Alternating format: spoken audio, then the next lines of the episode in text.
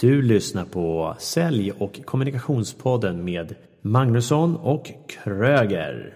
Du ska lyssna på den här podden för att få inspiration, insikt, perspektiv, konkreta tips och en good feeling. Jag är Mikael Kröger, exekutiv coach, utbildare i ledarskap och kommunikation. Jag är även chef på ett bemanning och rekryteringsföretag i Stockholm. Jag är Daniel Magnusson, säljcoach som åker land och rike runt för att se till att säljare och säljchefer säljer och presterar mycket mer än vad de gör idag. Och tillsammans så har vi Sälj och kommunikationspodden. Nu kör vi! Nu kör vi!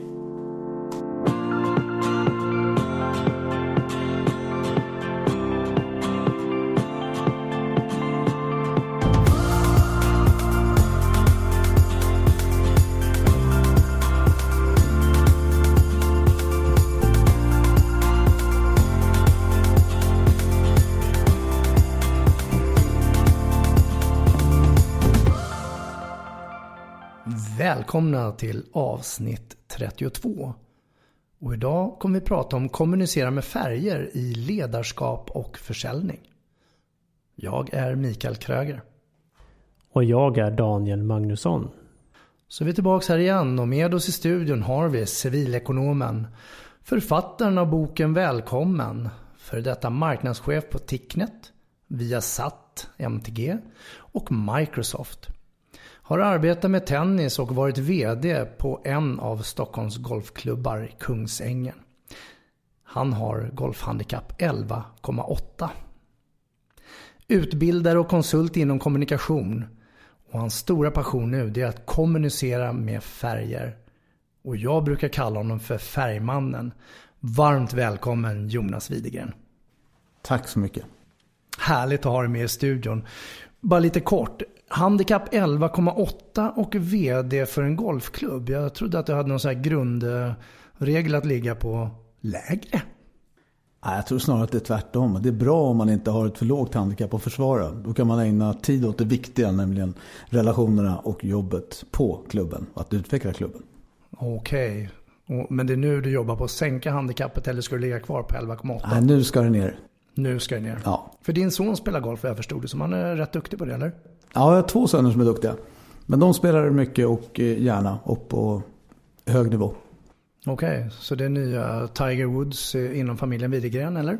Det är ju så lätt i golf att dra eh, kurvor vad det gäller utveckling i den riktningen. Så absolut Tiger Woods nivå. Härligt, jag kan nästan bli lite avundsjuk då när Jonas ska vara manager och sitta och räkna miljonerna sedan. Okej Jonas, kommunicera med färger. Eh, du tänker, är du målare eller alltså, vad, vad handlar det här om egentligen? Ja, associationerna kan ju dra iväg i lite olika riktningar. Men eh, färgerna som vi använder är ett sätt att underlätta. Det är ett sätt att göra det tydligare att prata om hur vi är, hur vi agerar, hur vi kommunicerar. Vi kan nog vara överens om att vi är olika människor emellan. Och det rör sig ett par olika plan. Vi har olika tempo. Vi har olika inställning till uppgifter. Vi har olika inställning till relationer till människor omkring oss. Och det färgspråket som vi arbetar med har en, en lång historik, en lång bakgrund som närmar sig 100 år faktiskt, från 20-talet. Där forskaren Marston var ute och iakttog och forskade under sin tid på Harvard. Och noterade hur agerar människor i olika sammanhang när man samarbetar, när man relaterar till andra. Och det ligger till grund för den teori som vi arbetar med numera som går under namnet DISK, DISK-teorin. Som, där man sedan presenteras i fyra olika färger beroende på vilket tempo man har. Om man är snabb, aktiv, agerande, kraftfull, kanske uppfattas som otålig eller om man är mer fundersam, eftertänksam, noggrann och av andra kanske uppfattas som långsam. Det är en av dimensionerna, tempot. En annan dimension är att man är mer eller mindre uppgiftsorienterad eller relationsorienterad. Det är en kort beskrivning av det. Och, och disk då? Vad, vad, hur, vilka bokstäver alltså? Är, är det, med, det är med C? Det är med C. Det är ett engelskt ursprung i de här bokstäverna. Och eh, varje bokstav betecknas också med en färg där D dominans är den röda färgen. i ett inflytande, influens, är den gula färgen. Den gröna färgen symboliseras av S i stabilitet och C står för det engelska compliance. Hur regelstyrda vi är och det har med den blå färgen att göra. Varför blev det just färger? För jag tänker det finns ju många analysverktyg och det skulle lika gärna kunna vara siffror eller något. Men varför blev det färger då? Absolut, det finns en rad andra analysverktyg som har använts där man presenteras som djur eller på andra sätt. Men färgerna har en koppling långt tillbaka också i hur vi associerar olika färger till olika begrepp, och olika känslor. Där rött står för en hetta och gult för värme, grönt för lugn och blå för en kyla och en logik mer. Så den kopplingen finns där. Ja, men då, då har vi ju ändå förstått grunden att det var färgerna som började. Och jag tänker, jag har ju hört mycket av det här. och Jag har bland annat sett en bok som heter Omgiven av idioter. Som också har med färger att göra. Och jag har tyvärr inte hunnit läsa den än, men jag har hört väldigt bra om den. Men jag tänker, hur använder du färgerna till din kan man säga fördel? Eller hur? För du, bemö, du möter ju olika människor och det är klart att vi kan ju använda det på olika sätt. Men hur använder du färgerna i dina tankar och hur du förstår andra människor? Absolut. När man väl har satt sig in i det, vilket är ganska enkelt och det är en av de stora fördelarna med färgspråket. Det är lätt att ta till sig. När man väl har insett vad det betyder så har man ett, ett enkelt sätt att kunna sortera de intryck man får när man möter en ny människa som man inte har träffat tidigare. Vilket tempo har han eller hon? Eh, och det hjälper till på ett ganska enkelt sätt att sortera och göra mig förberedd på vad kan jag förvänta mig. När jag märker ett beteende som är på ett visst sätt, vad kan jag då förvänta mig i nästa läge? Men ta något exempel. Om du träffar en människa första gången, hur vet du vilken färg de är? Vad, vad gör du liksom för snabbanalys? Snabbanalysen, det, det lättaste dimensionen är oftast tempot. Vi kommer in i ett rum och träffar någon, vi skakar hand, hälsar på någon som är kraftfull, som tar över, som pratar, som gärna styr diskussionen. Det gör att jag lutar åt den rödgula sidan för det är ett högre tempo. Då förstår jag att det inte är läge för mig, om jag ska kommunicera och nå fram, att lägga huvudet på sned och fråga hur det står till och sänka tempot. Under förutsättning att det är en person som själv håller och vill hålla ett högt tempo. Då behöver jag själv rappa på. Vilket kanske är helt naturligt för mig. Men det kan ju också vara så att jag måste anstränga mig för det. För att jag är inte lika bekväm i det tempot. Jag tänkte, jag blev uppringd av en säljare här för någon vecka sedan. Och så, eh, trevlig kvinna, vet inte exakt vad hon sålde. Men hon presenterade sig, jag förstod inte vad hon sa, jag vet inte exakt vad hon ville. Och sen frågade hon hur jag mår. Och då var det så här, men varför frågar du hur jag mår? Jag, jag sitter här i bilen, jag pratar i telefon med dig och jag vill gärna ha lite tempo jag, jag, jag, tror inte riktigt att jag bottnar i detaljer. Jag, jag, eh, har gjort din analys någon gång och den där blåa lyser väl med sin frånvaro. Men om du får en sån person då, då menar du att du möter på temponivå? Om det är någon som är snabb och rapp och dominant. Absolut. Och, och, skulle jag vara den som ringer dig på telefon så försöker jag ju höra efter. Och det gör ju de flesta duktiga säljare. Givetvis. Man håller sina sinnen öppna för att se vem är Mikael som jag nu pratar med. Vilket tempo passar honom. Och där känner du också en skillnad i om det är någon som är på en relationsnivå. Som är, verkar vara intresserad av relationer och kanske till och med hur vi mår. I ett annat läge om du ska köpa någonting ganska raskt, du minns nu inte ens vad det handlade om. Då har jag väldigt svårt att tro att du är intresserad av att prata vidare om hur du mår med den personen. Då är det snarare att gå rakt på sak och vara tydlig, effektiv och eh, tala om what's in it for you. Vad har du att vinna på den här produkten eller på tjänsten som vi nu pratar om? Jag tänker också det har lite med vilken position man ofta sitter på också. Att till exempel om man är då chef och har en ledarbefattning så om vi nu ska dra någon generalisering så brukar de oftast vara mera röda eh, i då språket. Alltså mera resultatdrivna. Kan, är det så, kan man tänka så när man, som en säljare till exempel? Det kan man absolut göra som, som en grundläge. Men det gäller att inte dra för snabba slutsatser och dra alla över en kam. Utan det mm. är stor skillnad människor emellan. Även på ledande befattningar i chefspositioner. Men självklart på de flesta företag när vi pratar om säljsituationer så är Människor i, i eh, ledande ställning har ofta ett resultat för ögonen. Och det driver mot ett rött, det vi kallar för ett rött beteende. Jag måste vara intresserad av resultatet. Men det finns olika sätt att kommunicera, olika sätt att agera och olika personer som möter på olika sätt. Och det behöver vi vara öppna för som säljare när vi möter nya kunder. Så om, om eh, hur, hur, kan man avgöra det snabbast? Då? Du säger tempot. Så om, om jag ringer så har jag ju ganska få sekunder överlag. Först att presentera vad jag ringer ifrån och vad jag vill och så vidare. Hur ska jag liksom kunna läsa av där då? Är det några bra tips där? Det är betydligt lättare när man, i ett möte live där jag ser och skakar hand och får en känsla där.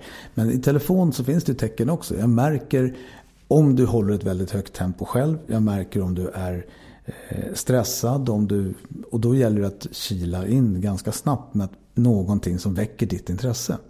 Medan andra kan vara väldigt korrekta. Någon som frågar, ursäkta, hur var ditt namn? Var ringer du ifrån? Som man märker kanske att han, hon noterar anteckningar. Så pass till och med. ja. Då, eh, det är en signal till mig. Det här är någon som är lite mer noggrann än den jag ringde nyss. Som var betydligt snabbare och knappt var observant överhuvudtaget. Och då drar jag mina slutsatser av det. Mm. Och om vi nu skulle komma till en, en, eh, en eh, då som är i mer influerande och kul då? Åh, oh, vad roligt, hej, vad, nu ska vi prata, vad händer då i, i telefonsamtalet tänker jag? Ja, det är klart, tar vi ut svängarna och pratar ytterligheter så kan det vara någon som faktiskt till och med blir väldigt glad över det. Spontant, vad roligt att någon ringer, någon att snacka med. Det händer inte så ofta i dagens säljklimat på telefon. Men det kan snarare yttra sig i att det är någon som har mycket på gång. Som, som lyfter telefonluren och ber dig vänta ett ögonblick bara. Jag ska avsluta någonting annat som jag är mitt i. Det vill säga, man vill inte missa ett samtal. Man vill avsluta, men häng kvar. Det kanske är något spännande som ringer. Mm. Det kan vara ett gult tecken. Mm, kan känna igen mig i den. För jag kan prata länge med, eller länge, men jag kan prata med vissa säljare.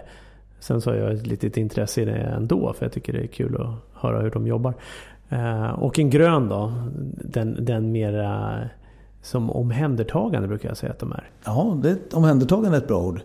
Omhändertagande, omsorgsfull, ja. eh, lågmäld, lyssnar gärna.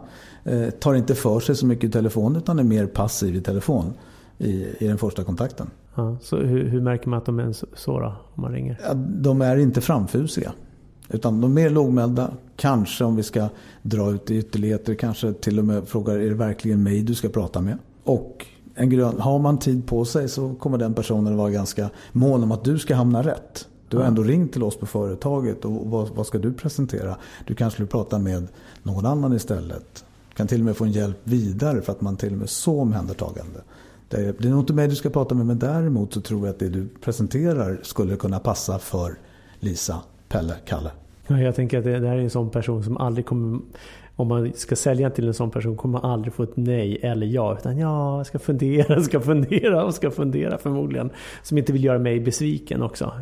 Bryr sig väldigt mycket om hur jag känner kan jag tänka mig. Skulle kunna vara så, men vi ska inte raljera för mycket. Nej, utan okay, vi, nej. Det, det, är viktigt också att säga att det är, det är omtänksamma eh, profiler, absolut.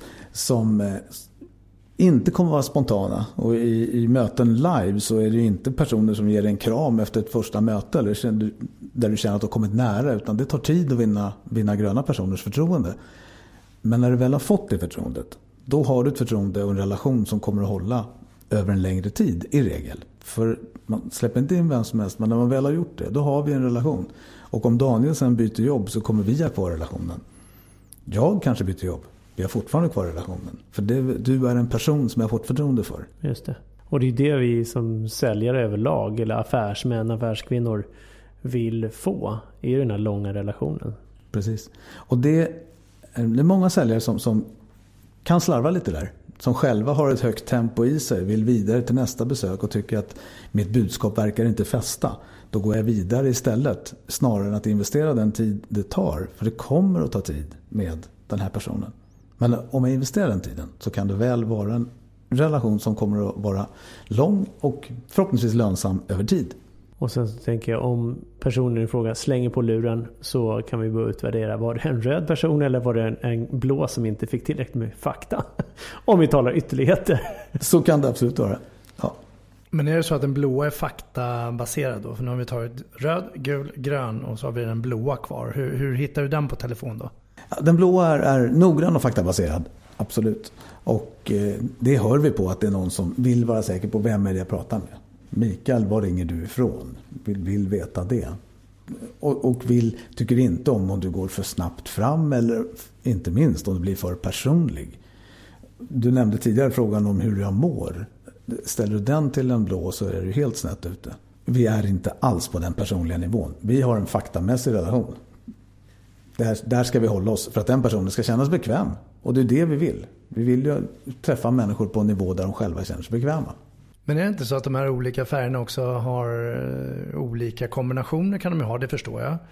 Eh, och jag tänker också olika sätt att hantera. Eh, jag vet, vi har ju pratat tidigare om det här om vi skulle göra en omorganisation. Då beskrev du hur de olika personerna behöver ha information och vad som händer hos dem. Kan, kan du ta bara det exemplet, om, om jag nu skulle gå ut och göra en omorganisation i min säljkår eller i organisationen. Hur behöver jag göra då för att täcka alla möjliga färger? Det är en ganska tuff uppgift, men vad, vad, som är vanligt i just omorganisationssituationer det är att en ledningsgrupp eller en tillsatt projektgrupp har fått eh, relativt gott om tid på sig att utvärdera, fundera på vad ska vi ha för lösning i vårt nästa steg. Man tar in och man jobbar igenom, man kommer med förslag, man reviderar och någonstans till slut så tar man beslut och presenterar och går ut med det här. Och det är självklart en grund i att det är bättre ju mer man kan involvera. Desto mer man har involverat desto lättare blir det att informera. Men när det väl ska presenteras och informeras då är det ju väldigt olika. Vilken grundinställning har vi? Där några ibland oss kommer att tycka att det är kul och bra att det ändras. Vad, vad spännande, det händer någonting nytt. Det är ena sidan. En annan sida vänder sig till att det i grunden har vi verkligen tänkt igenom det här. Är det bättre än vad vi haft sedan tidigare? Så ska vi ta det till och med i de fyra olika dimensionerna så kommer röd vara intresserad av vilket resultat ska vi uppnå? Det är den första frågan. Och det andra är tiden. När? Röd är väldigt måna om att, vi håller, att det finns tidsplaner och att det går undan. Att vi inte håller på med massa oväsentligheter utan nu ska vi genomföra det här. Så frågan när är viktig för röda. Gula är väldigt intresserade av kommunikationen. Hur ska det här berättas? Både internt och externt. Och sen är man också intresserad av människorna. Vem Det är en nyckelfråga. Vem är med i gruppen som bestämmer? Vem är med i de nya beslutande grupperna? Nyckelfråga för gula. Medan gröna kommer vara väldigt... Man, man tycker mycket om det, det, det läget vi har just nu. Vi har ju ändå hållit på i ett antal år. Vi har kommit till det här läget. Nu har det fått fäste. Vi har ju putsat och ändrat i våra rutiner.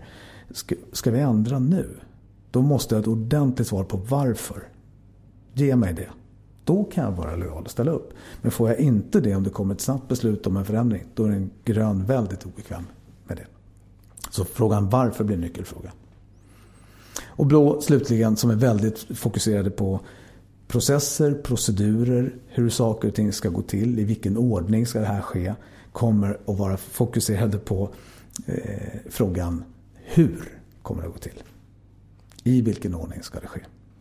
Så Där har vi en ganska stor skillnad. Vilket gör att ska du lyckas med en sån information så behöver du beakta alla de här fyra frågorna.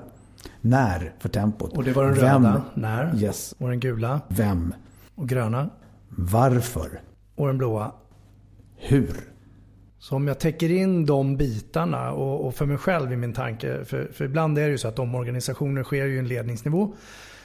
Och vi kanske håller på med det en vecka, vi kanske håller på med det ett halvår. Eh, men, och, och är vi rödgula som sitter i en form av ledningsgrupp, ja, men då kanske vi är snabba också. Och när vi väl har tagit beslutet så presenterar vi ut det. Och så funderar vi samma minut eller dagen efter, varför har inte förändringen skett? Så om man backar hem då och får med alla de bitarna när, vem, hur och varför och så vidare. Då, då är det en större sannolikhet att det har en bra träffsäkerhet. Absolut. Absolut. Och en förutsättning för att en förändring kan ske. Men är det inte så att, att eh, någonstans tänker jag också så här, lika barn leka bäst? Eh, ja, men du har ju varit VD, du har varit marknadschef och, och nu är du expert på det här med färger. Då, men, men jag tänker om du inte var det, då är det lätt att tänka så här med min polare vi tycker likadant och det går ju lätt och det är ju enkelt. Men vi kör där tillsammans och så hittar vi en tredje person och en fjärde och, och så stöper vi ofta i liknande former. Eh, det är ju fördelar ibland och förmodligen nackdelar. Och lägger vi ett färgspråk på det, vad finns det för fördelar och nackdelar med det? Då?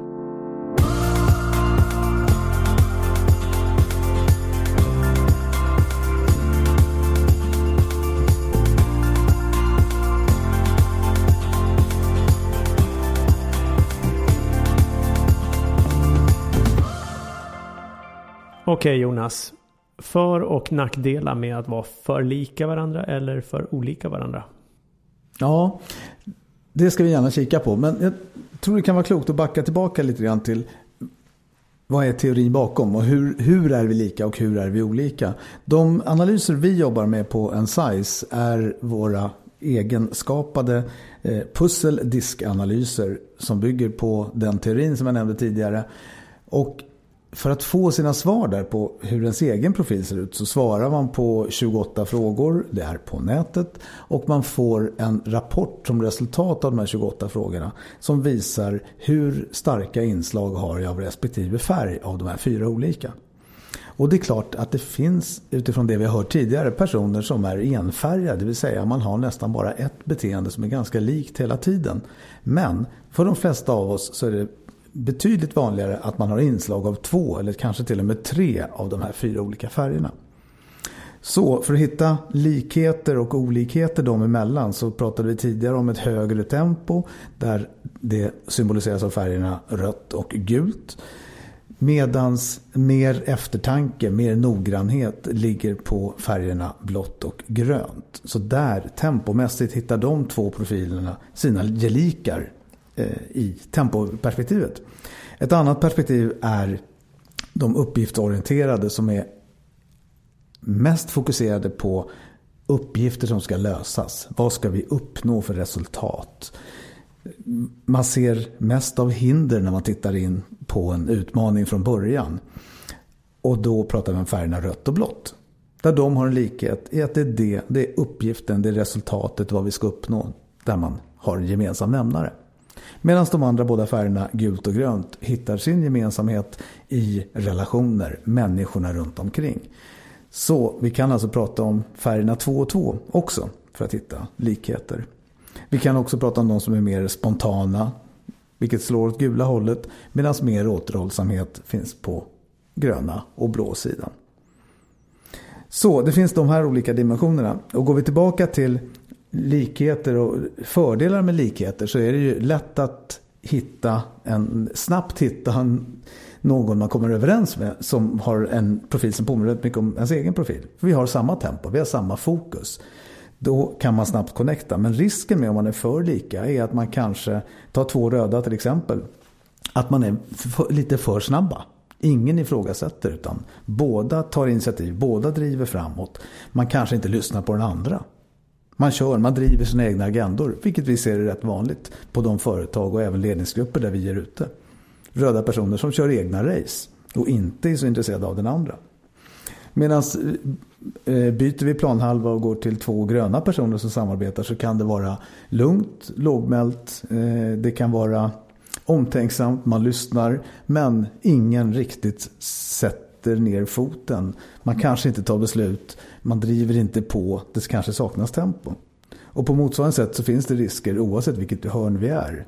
Där två gula kan ha fantastiskt trevligt men det blir inte så mycket slutresultat av det hela.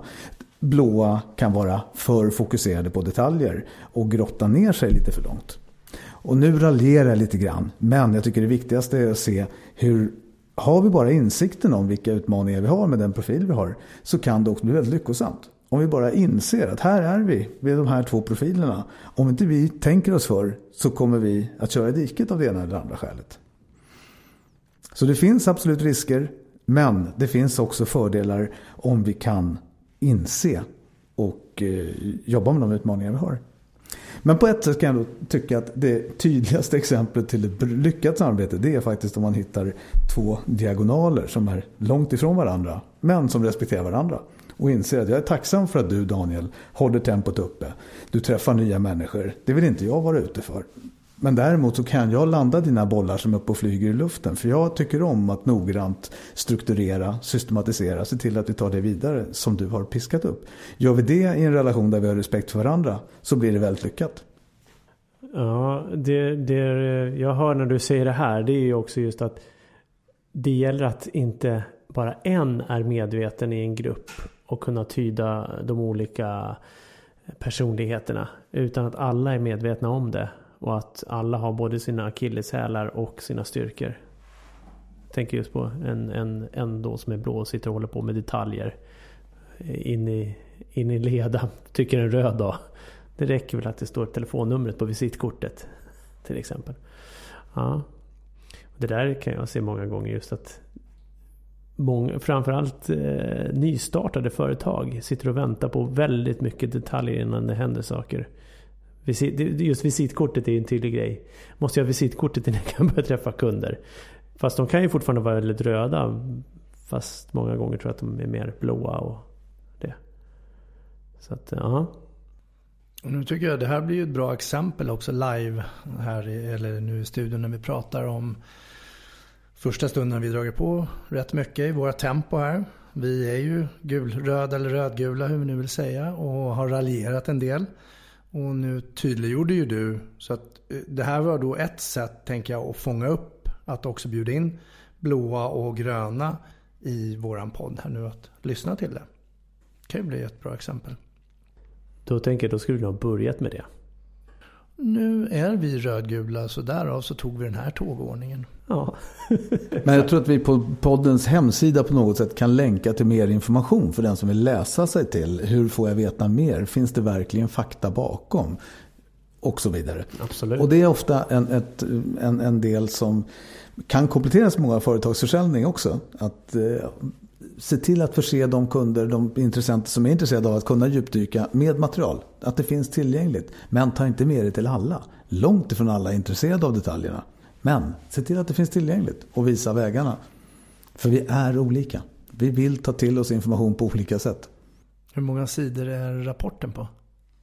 Den egna rapporten du får som bara handlar om dig och beskriver din egen kommunikationsstil. Den är i ett eh, komplett utförande så är den 20 sidor. Och jag tänker på hur jag läste den rapporten. Jag tror, om jag inte missminner mig helt nu så är det sidan 10. Mm. Där jag har de här färgstaplarna. Och det var väl den jag bläddrade upp först och tittade på. Ja, då vet jag hur jag är. Nu kör vi vidare. Ja, och det kan man absolut göra. Men då finns också risken för lite för snabba slutsatser. Eh, och också den bekväma sitsen av att man eh, vet hur det är och eh, känner igen sig och eh, kanske lite snabbt dömer andra. Så det här är egentligen ett väldigt bra tillfälle att reflektera över sig själv. För vi alla och ni som lyssnar, eh, vuxna människor, ni har jobbat ett tag eller kanske till och med ganska länge. Ni har god koll på er själva. Men ska vi bli bättre på att kommunicera och nå ut till andra då är det rätt bra att reflektera över hur uppfattas jag själv? Hur kan jag uppfattas i olika rum? Och visst upplever vi allihopa att vi kommer in i rum där vi känner att vi det klickar direkt. Det funkar hur bra som helst. Men vi har ju också varit i rum där det blev iskallt. Där vi kände att jag når inte fram. Och det bottnar ofta i att vi själva kanske kör på i ett visst, på ett visst sätt som, vi, som brukar funka. Men inte gör det i alla lägen. Så en gnutta lyhördhet är inte så dumt där. Det som är viktigt att tänka på i det här sammanhanget är också att färger, när vi pratar om det, vårt olika, våra olika beteenden, så handlar det om hur vi kommunicerar, det vill säga hur vi pratar, hur vi agerar, vad vi väljer att fokusera på. Lyssnar vi eller lyssnar vi inte? Det här är egentligen det vi går och visar upp hela tiden, det som syns när vi träffar en person. Sen finns det väldigt mycket mer som beskriver oss som människor. Det finns mycket mer innanför detta som färgspråket inte tar hänsyn till. Och det handlar om våra drivkrafter till exempel. Vad driver mig? Vad driver dig? Det kan vara väldigt olika och ett väldigt stort spann och dessutom skillnad nu mellan generationer. När millennials, eller vad vi nu väljer att kalla dagens unga för, kommer med helt nya eh, drivkrafter och motiv än eh, äldre generationer. Men vi ska hålla isär det så att vi bara är medvetna om att färgerna täcker hur vi kommunicerar, och hur vi agerar. Vad är den positiva och den negativa på varje färg? Om vi skulle bara titta på det lite snabbt. Det kan vi göra. Om vi, om vi kikar, börjar på den eh, röda sidan så ligger i det röda ett eh, initiativtagande, en kraftfullhet att driva framåt. Vilket behövs i de flesta team, de flesta sammanhang. Eh, men dras det till en ytterlighet så kan du övergå till en arrogans, en okänslighet, att man inte lyssnar, ger order, pekar med hela handen. Och det är den balansen som är viktig att känna själv. När passar det att driva på? Och när behöver jag vara lite mer återhållsam? När jag plockar fram min röda, mitt röda beteende, min röda färg. Där tänker jag just att, att man då kan uppfattas på det sättet från andra. Absolut. Som inte är kanske lika röda eller de kan ju också vara det i och för sig. Absolut. Det, det kan, vara både, kan vara både och. Och gul då? Gul, styrkorna där ligger ju mycket i det utåtriktade, det positiva, att man inte ser problem utan tänker utanför boxen, kreativitet och annat som är positivt. Eh, nackdelarna där, utmaningarna kan vara att man är lite för fokuserad på sina egna idéer. Att man gärna babblar på, pratar mycket, inte riktigt är lyhörd för vad, vad andra tänker på. Samtidigt så ligger i det gula också en, en, känsla av att man vill att det ska vara bra stämning. Det ska vara en skön stämning. Vi ska tycka om varandra. Men det är inte säkert att jag verkligen lyssnar. Utan jag är mest mån om hur jag själv kommunicerar. Det är en balans att hålla för den med mycket gult i sig. Så hur kan, hur kan man uppfattas av andra då? Det man, negativa? Man kan absolut uppfattas som egoistisk, babblig, eh, splittrad. Man vill vara på många ställen. Det händer ganska mycket i huvudet på den som har mycket gult i sig. Man vill inte missa någonting. Sitter jag och jobbar med någonting fokuserat och det samtidigt plingar till av ett mail som kanske är det roligaste den här veckan. Då har jag svårt att låta bli att öppna det. Självklart säger jag. Jag ser på er att ni nickar och känner igen er. Ja, inte alls, jag förstår inte vad du menar. Ja, så om vi då tittar på eh, den gröna sen då? Ja, kommer vi vidare till grönt så är det ju en mer eh, dämpad profil. En lugnare profil, en trygg profil. Eh, man är mer social, mån om andra. På riktigt. Jag bryr mig verkligen om hur du har det. Jag lyssnar med mycket grönt.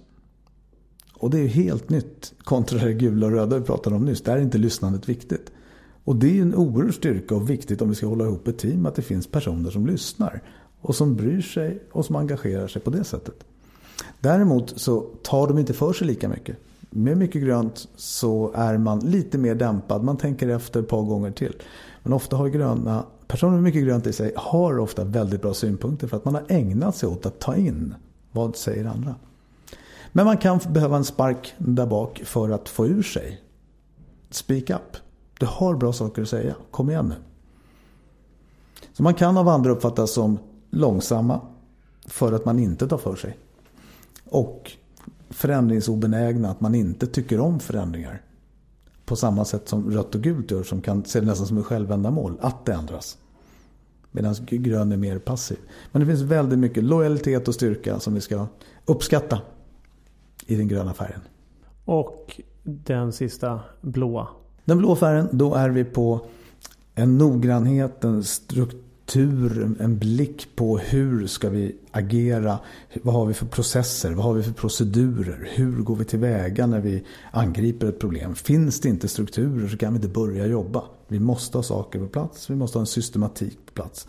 En logik, ofta väldigt kunniga, skickliga människor som är intresserade av sitt gebit. Oavsett vilken bransch det är. Så är man intresserad av sitt gebit och tycker om andra som är duktiga och kunniga också.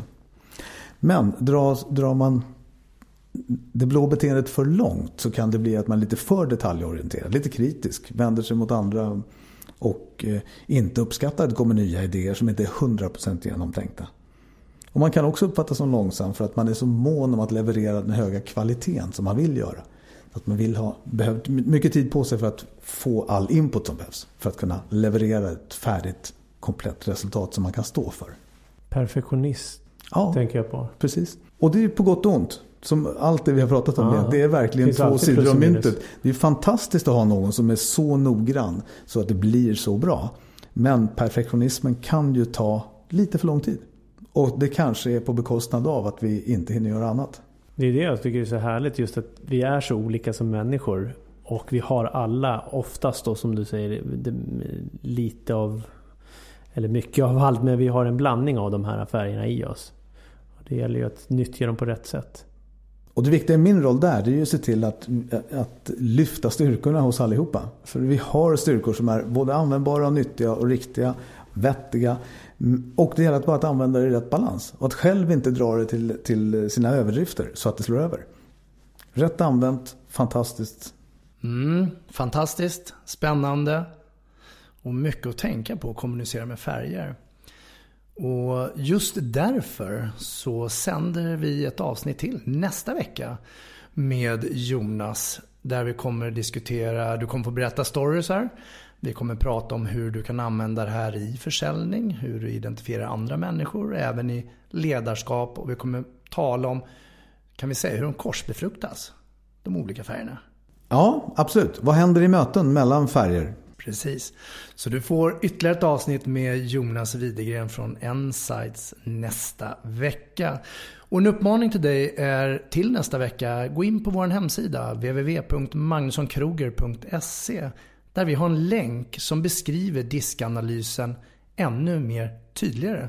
Så läs på så kommer du att kunna hänga med nästa vecka och få konkreta tips. Så tills dess, visa värme, kärlek, var rädda om varandra och prata med färger. Trevlig helg! Trevlig helg! Trevlig helg!